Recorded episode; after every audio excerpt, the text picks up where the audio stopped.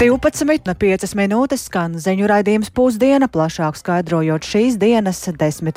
oktobra būtiskos notikumus. Studijā Dāca Pēkšēna. Esiet sveicināti! Un sāksim ar tikko jau ziņās dzirdēto, ka vairākās Latvijas skolās ir saņemti identiski ēpasti par iespējamiem drošības riskiem. Tādēļ šobrīd esam tiešraidē sazinājušies ar valsts policijas priekšnieku Armandu Ruku. Labdien! Uh, labdien! Tātad, kas tas ir par paziņojumu, ko skolas ir saņēmušas un uh, cik daudz skolu to ir saņēmušas? Eh, jā, nu, paziņojumi ir eh, vairāki. Būtībā mēs runājam par trīs veidu paziņojumiem. Eh, nāk no vairākiem e-pastiem. Un, un, un jāsaka tā, ka mēs viņus saistām kopā. Šos paziņojumus sākot jau no pusnakts. Šie paziņojumi ir tikuši nosūtīti uz daudzām skolām. Mēs šobrīd varam runāt kaut kur ap 300. Un, un, un, un, un, tātad izmantojot šo VPN, tātad mēs redzam, ka ir Uh, ģenerētas uh, dažādas šīs e-pasta adreses, bet, bet uh, viennozīmīgi mēs saistām kopā. Šobrīd, jāsaka, mēs arī redzam saikni ar iepriekš jau notikušiem gadījumiem, kas ir varbūt ne tādā apmērā. Piemēram, vakardien bija līdzīgs nosūtīts uz desmit tiesām, un, un, un, un vienlaikus mēs redzam, ka vairāku valstu IP, tā, kad tātad šis te. Uh, Piekļuve ir uh, saskatāma, bet nu, tas ir nosacīts, jāsaka, tā, tas ir mūsu kibernozieguma apkarošanas pārvaldes uh, kompetence un attiecīgi ir uzsākts krimināla process uh, pēc krimināla likuma 231. prima panta, tātad Jā. par ap, apzināti nepatiesu paziņojumu par šīm te, uh, sprākstierīcēm iespējamām. Uh, es gribētu uzreiz sabiedrībai teikt, ka uh, tie ir zema riska līmeņa draudi, tātad valsts policijā ir šīs vadlīnijas un metodoloģija, kā mēs to nosakām un attiecīgi šobrīd uh, kolēģi arī apbraukā šīs skolas, un, un ja ir kaut kādi uh, jautājumi, tad noteikti var zvanīt 110 un arī dzen, vērsties arī pie, pie vietējām policijas uh, struktūra vienībām. Un, Bet, jebkurā gadījumā nu, nav nav, jā, nav jāuztraucās. Teiksim, Bet ir kāda pateikt. versija, no kurienes šie paziņojumi nāk un jā, ar, ko tas, ar, ko, ar ko tie ir saistīti? Jā, tā tad šeit jau kāds mums ir ierasts virtuālajā tīmeklī, tātad attiecīgi izmantojot dažādus slēpšanās paņēmienus, tiek reģenerētas dažādas šīs IP adreses, attiecīgi veidojot dažādus e-pasta profilus. Nu, mēģinājums ir acīm redzot destabilizēt atkal kaut kādā veidā mūsu sabiedrību, satraukt to un tā tālāk, jo mēs tiešām runājam par 300 un pat varbūt vairāk skolām. Šobrīd tā informācija viss tiek atstrādāta, un, bet nu, mēs redzam saikni. Mūsu -hmm. speciālisti redz saikni, un arī iepriekš mēs uh, redzam kopsakarības ar uh, līdzīgiem gadījumiem. Mēs strādājam būtībā par, par vai nu vienu vai vairākiem cilvēkiem, kas darbojas vienot mērķi. Bet vārdā. mēs šajā gadījumā varam runāt par mūsu kaimiņu valstu Krieviju saistībā ar to, Es šobrīd to nevaru apstiprināt viennozīmīgi, tāpēc, kad uh, notiek aktīvs tas izmeklēšanas darbs, noteikti mēs sabiedrību painformēsim, ja mēs varēsim to apstiprināt, bet mēs arī, nu, mūsu mērķis tomēr ir uh, tikt uz pēdām fiziski šim cilvēkam, uh, ja tas vien būs iespējams, un attiecīgi tad arī, protams, vērsties ar visu likumu bardzību par uh, šāda veida izpausmēm kriminālām. Uh, tā kā apstiprināt es to nevaru, bet es varu apstiprināt arī, dzen, ka tiešām nāk no, arī no eksotiskām valstīm. Mēs redzam, kā ir mēģināts kā, uh, veidot šo IP, bet, kā jau es teicu, visas šīs te tehnoloģijas uh, uh, kibervidē atļauj reģenerēt, uh, sēdot Latvijā. To arī mēģināt pat arī uh, nu, uzreģinēt tā, ka nāk it kā no Āfrikas kādas no valstīm. Tā, tas ir tāds jau specifisks jautājums. Ka, kas ir tas, ko šobrīd policija dara? Vai, es saprotu, ka saturā ir runāts arī par sprāgstvielām, vai arī tīri fiziski policija šobrīd skolās meklē šīs sprāgstvielas? Uh, fiziski šobrīd mēs esam devuši komandu tātad apsekot šīs adreses. Tātad attiecīgi, protams, kad vēlreiz saka, tie zema līmeņa draudi un teiksim tā, kad es zinu, ka arī dažviet skolās mēs zinām, kad ir pārtrauktas mācības un, un, un notikušas evakuācijas. Tā, tas ir skolu pieņemts lēmums. Mēs to neesam noteikuši šajā gadījumā, ka tas būtu obligāti darāms. Katrā ziņā, ja Par jebkuru arī pat aizdomīgu uh, nezinu, ja liekas kāda aizdomīga situācija vai kas, noteikti vajag ziņot uh, skolām un, un obligāti informēt. Un, uh, protams, kad uh, nu, 300 skolas mēs fiziski centimetru pēc centimetra pārmeklēt nevaram, bet tāpēc mums ir izstrādāti arī šie algoritmi par to riska līmeni. Un šobrīd mēs viņu vērtējam kā zemu, tāpēc vēlreiz aicinu nesatraukties tik ļoti, jo mēs jau redzam arī to saikni ar iepriekšējiem paziņojumiem. Un vienlaikus 300 skolām tas arī būtībā pa pēdējo uh, nakti un šorīt ir uh, sūtīts. Mhm. Paldies, paldies šajā brīdī par sarunu valsts policijas priekšniekam Armandam Rukam. Tātad policija šajā brīdī vērš uzmanību un mierina, ka satraukumam nesot pamata. Bet šobrīd pie telefona klausulas arī izglītības kvalitātes valsts dienesta vadītāja Inita Juhņēviča. Labdien! Labdien! Kas jums ir zināms šobrīd par notiekošo un kas, kāda ir tā jūsu rīcība no jūsu puses, kā jārīkojas mācību iestādēm? Jā, tā tad arī izglītības kvalitātes valsts dienas rīcībā ir nonākusi informācija, ka skolas uh, ir saņēmušas ziņu par terorismu draudiem. Mēs no savas puses aicinām skolas direktorus par saņemtajiem draudiem nekavējoties ziņot valsts policijai un sekot valsts policijas norādījumiem. Gadījumā, ja notiek skolēnu evakuācija, ir ļoti svarīgi, ka uh, netiek radīts haoss skolas ir aicināts to darīt secīgi un uh, strukturēti. Un, protams, iespēju robežās uh, šajos evakuācijas gadījumos uh, informēt arī jaunāko klašu skolānu uh, vecākus. Bet tātad vispirmām kārtām skolai ir uh, jāsazinās ar valsts policiju un uh, jāklausa tās norādījumiem. Vai jums ir informācija, vai visās skolās, kas saņēma šos draudus, ir pārtraukta, da, mā, pārtrauktas mācības? Uh, nav informācija, ka tas uh, pārtraukts mācības būtu visās uh, mācību iestādēs, bet skolas šajā gadījumā seko tai rīcībai, kāda ir noteikta evakuācijas gadījumos, jo mēs arī zinām, ka skolām ir jāveic arī mācības par šādiem gadījumiem. Līdz ar to skolas kārtībā ir atrunāts kā rīkoties, ja bērni ir jāevakuē. Un, un tad ir ļoti svarīgi arī sekot uh, noteiktajiem ceļiem, uz evakuācijai paredzēto vietu, katram pildīt savus uh, pienākumus, lai šī evakuācija nebūtu haotiska, uh, bet lai viss notiktu uh, atbilstoši tam uh, plānam. Ja mēs runājam par pavisam pa, pa, pa mazāko klašu skolēniem, piemēram, pirmklasniekiem, kā rīkoties tiem, kur vecāki varbūt nevar atnākt pakaļ um, un šobrīd mācības ir pārtrauktas? Kas nodrošina? Uh, jā, šajā gadījumā skola uh, joprojām ir atbildīga uh, par skolēniem un uh, jaunāko klašu skolēni arī evakuācijas gadījumā uh, nedrīkst atrasties bez uh, pieaugušā uzraudzības. Tas nozīmē, ka uh, tiem vecākiem, uh, kurus skola ir informējusi, ka vajadzētu uh, atbraukt pakaļ un viņi to ir izdarījuši, tas ir viens no uh, gadījumiem, kā var rīkoties. Taču tajā gadījumā, ja vecāki nevar ierasties bērnam pakaļ, tad skolotājs, klases audzinātājs ir atbildīgs par šo bērnu, un bērni noteikti ir pieskatīti. Paldies! Par sarunu izglītības un kvalitātes valsts dienesta vadītājai Initai Juhņēvičai. Tātad atgādināšu, ka vairākās Latvijas skolās ir saņemti identiski e-pasti par iespējamiem drošības riskiem. Policija mierina, ka satraukumam nav pamata, taču virknē skolu mācības šobrīd ir pārtrauktas. Turpinām ar citiem notikumiem. Nogalināto kopskaits tuvojas diviem tūkstošiem kopš sestdienas negaidītā palestīniešu islāmistu grupējuma Hamas uzbrukuma. Gāzes josla joprojām atrodas blokādē, tikmēr Izraēlas armija pastiprina triecienus anklāvā. Hamas draudējas nogalināt ķilnieku katru reizi, kad Izraēla veiks gaisa triecienu Gazai. Savukārt Benjamins Netanjahu ir brīdinājis, ka atriebība par uzbrukumu ir tikai sākusies. Plašāk par to stāsta Rihards Plūme. Līdz šim grupējuma Hamas uzbrukumos Izrēlā gājuši bojā vismaz 900 cilvēku, tostarp vismaz 260 cilvēki, kurus kaujinieki nogalināja mūzikas festivālā. Joprojām tiek atrasti arvien jauni kaujinieku noslapkavoto cilvēku līķi, tiek publicētas arvien jaunas video liecības par slepkavībām. Viena no sievietēm stāsta par savas vecās mātes likteni. Pagaidzi,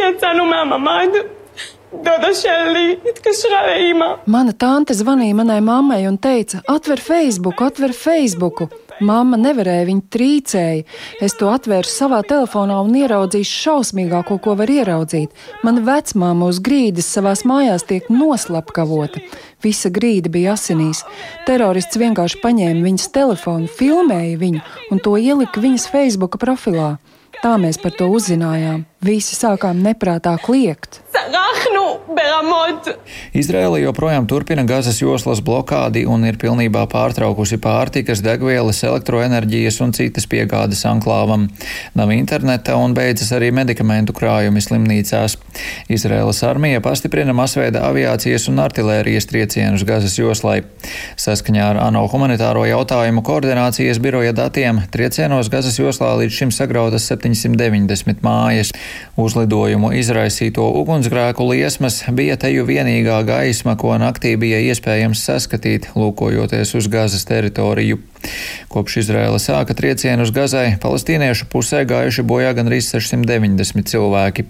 Vairāki tūkstoši arī ievainoti. Bet pie robežas ar Gazas joslu Izrēlā līdz šim uzieti arī aptuveni pusotrs tūkstotis likvidēto palestīniešu kaujinieku līķi. Izraēlas premjeras Benjamins Netanjahu, kurš televīzijas uzrunā aicināja opozīcijas partijas izveidot Nacionālās vienotības valdību, Izraēlas atbildi uz Hamas uzbrukumiem raksturoja šādi. Israel is at war. We didn't want this war. Izraela ir karā. Mēs negribējām šo karu. Tas mums tika uzspiests visbrutālākajā un mežonīgākajā veidā.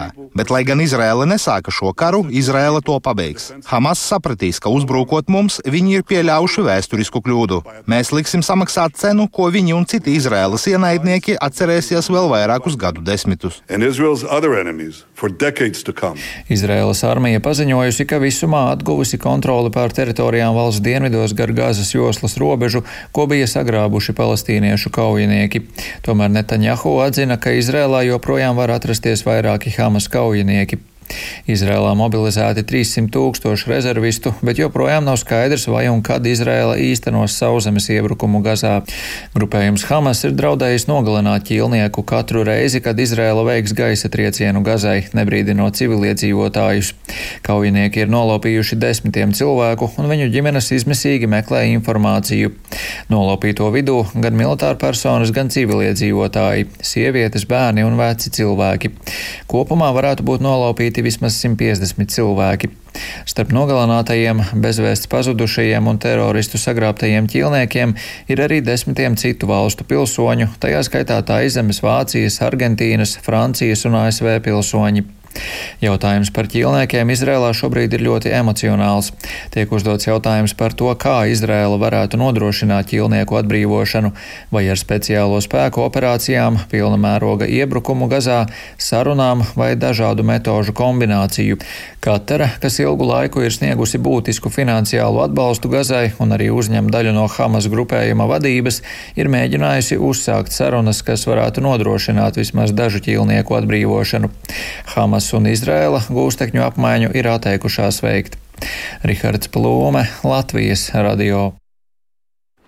Tik tālu jaunākā informācija no Rihārda Plūmes, bet kā jau esam vēstījuši, tad Izraēlas civiliedzīvotāju vidū ir arī latvieši, un mēs vēlējāmies uzzināt, kā viņiem klājas šobrīd, un tāpēc kolēģi Sinti Ambota ir aprunājusies ar Aivu Kahmi, kura Izraēlā dzīvo jau 50 gadu. Viņai gan tā nav pirmā pieredze, kad valstī izsludināts kara stāvoklis, bet esošo situāciju valsts ziemeļos Atzmona ciematā Aiva Kamhī raksturo kā stabilu, un iedzīvotāji uzmanīgi klausās paziņojumus medijos, ir satraukti par ķilniekiem, kā arī sēro par jau krītušajiem, un tāpat tiek organizēta arī iedzīvotāju palīdzība valsts dienvidu teritorijās evakuētajiem līdzcilvēkiem.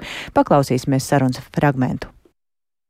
Kā es saprotu, tad jūs dzīvojat tieši Izraēlas ziemeļos, netālu no Karmīlas pilsētas, kas ir tālu no Gazas joslas. Taču kā jūs uzzinājāt par šiem Hamas uzbrukumiem Izraēlā sestdienas rītā, kur tajā mirklī atradāties? Tas ir eh, attālumā no mums taisnā līnijā, tas ir ap 140 km.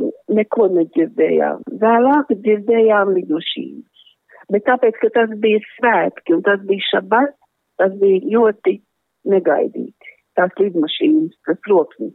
bija agrs rīts ap septiņiem un e, iedomājies, ka visi kanāli raidīja, ka kaut kas notiek dienvidos. Es sapratu, ka mums ir uzbrukuši uzbrukuši teroristi. Kara stāvoklis tomēr Izrēlā izsludināts nu, visā valstī. Kā tieši jūsu ikdienu tas ietekmē arī ziemeļos, vai civiliedzīvotāju ikdiena ir kaut kā paralizēta, vai kaut kādas komendantas stundas, vai rindas uz veikaliem, varbūt kā cilvēku uz to reaģē? Un kas ir tas, kas jums ir jādara šobrīd? Pie mums ciematā ir veikaliņš, un veikaliņš strādā un mēs varam izbraukt uz pilsētu. Cilvēkiem, kuriem jāstrādā, protams, iet uz darbu. Katrā darba vietā ir speciāla istaba, kur var vienmēr iet un aizsargāties. Mums mājās arī ir tāda speciāla betona istaba. Un visās vietās ir būvu patvērsme, bet skolas ir slēgtas, universitātes neataisījās laicīgi. Vispār ir tādā stāvoklī, ka ir jābūt kopā ģimeniski, un netālu no bumbu patvērsnes. Šorīt jau arī Izraela ziņo, ka it kā atgūta šī kontrole, bet vai nu, iedzīvotāji jūtas droši, vai, nu, vai ir pārliecība, ka šie Hamas kaujinieki nav iefiltrējušies arī dziļāk valstī? Mēs izjūtamies tā kā vienmēr uztraukti, jo nevar zināt, kuru brīdi, kad būs sirēna, un tiešām tā skatīties apkārt, kas notiek, kas notiek. Katrs cilvēks izjūt to savādāk. Es esmu 66 gadus veca, man ir maza meitiņa, kuras dzīvo otrajā stāvā virs mums, un viņām bija ļoti daudz jautājumu, kas notiek ar karavīriem, kā ir ar armiju, vai viņi būs ievainoti, vai kā viņš uzdev daudz jautājumus, bet meita, protams, pastāstīja, ka armija mūs aizsargās, un, nu, viņas normāli reaģē. Diemžēl mēs esam tik ļoti ietrenēti Bet eh, neskatoties uz to, ka visas šīs šausmas, kas notiek dienvidos, neviens nebija tādām lietām sagatavots. Jūsu tuvinieku lokā kādi cietušie ir? Visur, visur es dzirdu no viena, no otra. Mēs tā kā tāli, bet arī ļoti tuvu un it kā pazīstam. Nu, vienkārši man iztrūkst vārdu to izteikt, jo tik daudz cilvēku tik nogalinātu un tik daudz ir jāapvedī un nevar aiziet uz bērēm. Iedomājieties, ka tur bija tā kā festivāls, un tur bija jaunieši, sanāca cilvēki no visas Izraēlas. No visas Izraēlas. Visi ir iesaistīti emocionāli un fiziski, ļoti iesaistīti, un tas mums šausmīgi atgādina visādas traumas, kur valsts un cilvēki bija iesaistīti. Es varu teikt, jūs atceraties 9-11, eh, Ņujorkā. Mums tas ir tāda situācija, vienkārši tāds uzbrukums. Tā ir tā sajūta. Un tas notika te, te pat blakām.